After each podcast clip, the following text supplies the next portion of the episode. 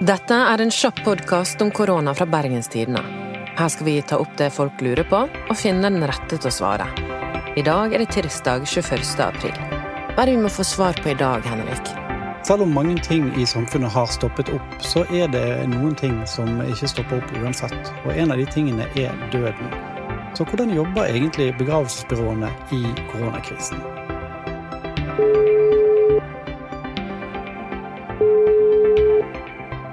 Hallo, det er Erik. Hei, Eirik. Anna fra BT her. Hei, du. Hei, du. Eirik Solheim, du er gravferdskonsulent på Dals begravelsesbyrå. Stemmer det? Hvordan ble du gravferdskonsulent?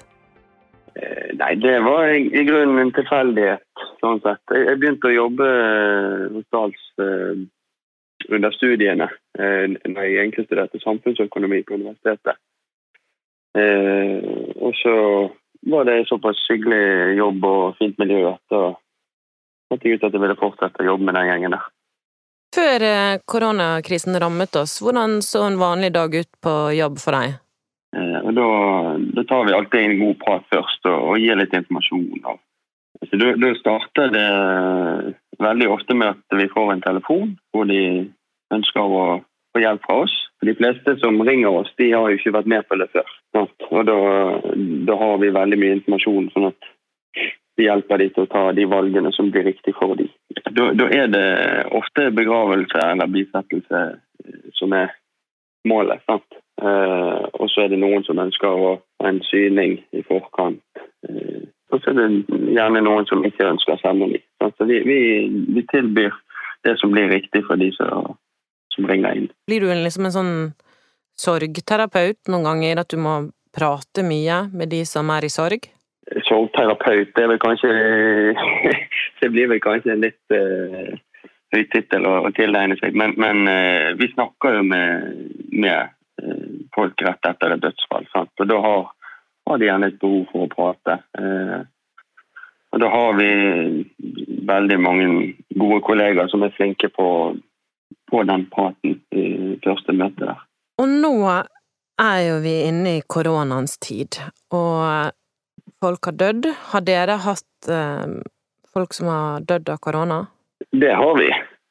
Hvordan forholder dere det, dere til eh, mennesker som har dødd av korona, da? det er jo klart, vi, vi forholder oss jo til alle eh, ganske likt. Eh, vi har samme utgangspunkt. Det er Når noen kommer inn til oss eh, for første gang, så er det like viktig for de uansett årsak. Eh, så selve sykdommen i seg selv har ikke noe å si for hvordan vi møter mennesker, tenker jeg. Mm. Men, men det er jo klart, det blir, en, det blir nok en ekstra påkjenning for, for de det gjelder. da. Og så kommer det til selve seremonien eller begravelsen.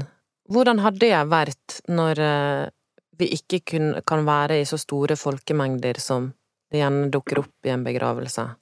Da, blir det en eh, endring. Da har vi egentlig Jeg er helt imponert over eh, omstillingsevnen både til mine kolleger og til, og til de pårørende som, som ringer oss. For vi møter veldig mye forståelse på, på hvordan vi kan tilpasse ting. Så, så fokuset hele veien det har vært eh, hvilke løsninger kan vi finne ut ifra de retningslinjene som vi har. Mm. Vi prøver å gjennomføre det så normalt som mulig, eh, sånn at sorgprosessen skal, skal få gå sin gang. Mm. Det, det er viktig for folk å komme i gang med, med den biten. Så når det har vært et dødsfall i, i familien, så er det veldig godt for, for de å komme i gang med planlegging og, og faktisk gjennomføre en seremoni. Så, så det kan vi anbefale å gjennomføre seremonien, da. Ja, For hvor er folk da eh, under seremonien? Da er det sånn at de nærmeste får lov til å være til stede, eh, så lenge vi følger retningslinjene for, for smittevern. Eh, Og så tilbyr vi eh, streaming av seremoniene, eh, og der har vi en egen kostnadsfri løsning, eh, hvor vi da har satt opp ulike kameraer rundt om og lager en full produksjon ut av det. Eh, Sånn at vi sender det via nettet til de venner og familie som, som ikke kan være til stede rent fysisk. Mm, mm. Men, eh, men vi opplever at mange deltar likevel da via den nettløsningen. Er det noen siste ting du kunne tenke deg å, å, å si, Eirik? Jeg tenker at eh, selv om vi har en annen, an, annerledes hverdag nå med hvordan seremonier gjennomføres, så, så, er det viktig for, for, alle å være til stede og, gjøre, og være med. Så, eh, eksempelvis den streamingen, så kan de sitte og gjøre, gjøre seg litt klare og forberede seg sant? og pynte seg hjemme og tenne et lys. Og så kommer både sanghefte og teksten på salmene kommer opp underveis eh, live med, med, musikken, så det går an å synge med. Og, sånn, så du kan være veldig aktiv til stede eh, likevel. Mm. Eh, og så opplever vi det at eh, minnesidene våre de blir veldig aktivt brukt nå for tiden. Eh, og det er Folk skriver hilsener, og de tenner lys. og det er, det er veldig mye forståelse rundt om i, i samfunnet. Da. Tusen takk for at du tok deg tid til å prate med oss, Eirik. Jo, bare hyggelig. Så må du ha en god dag videre. Jo, takk det samme. Ha det godt.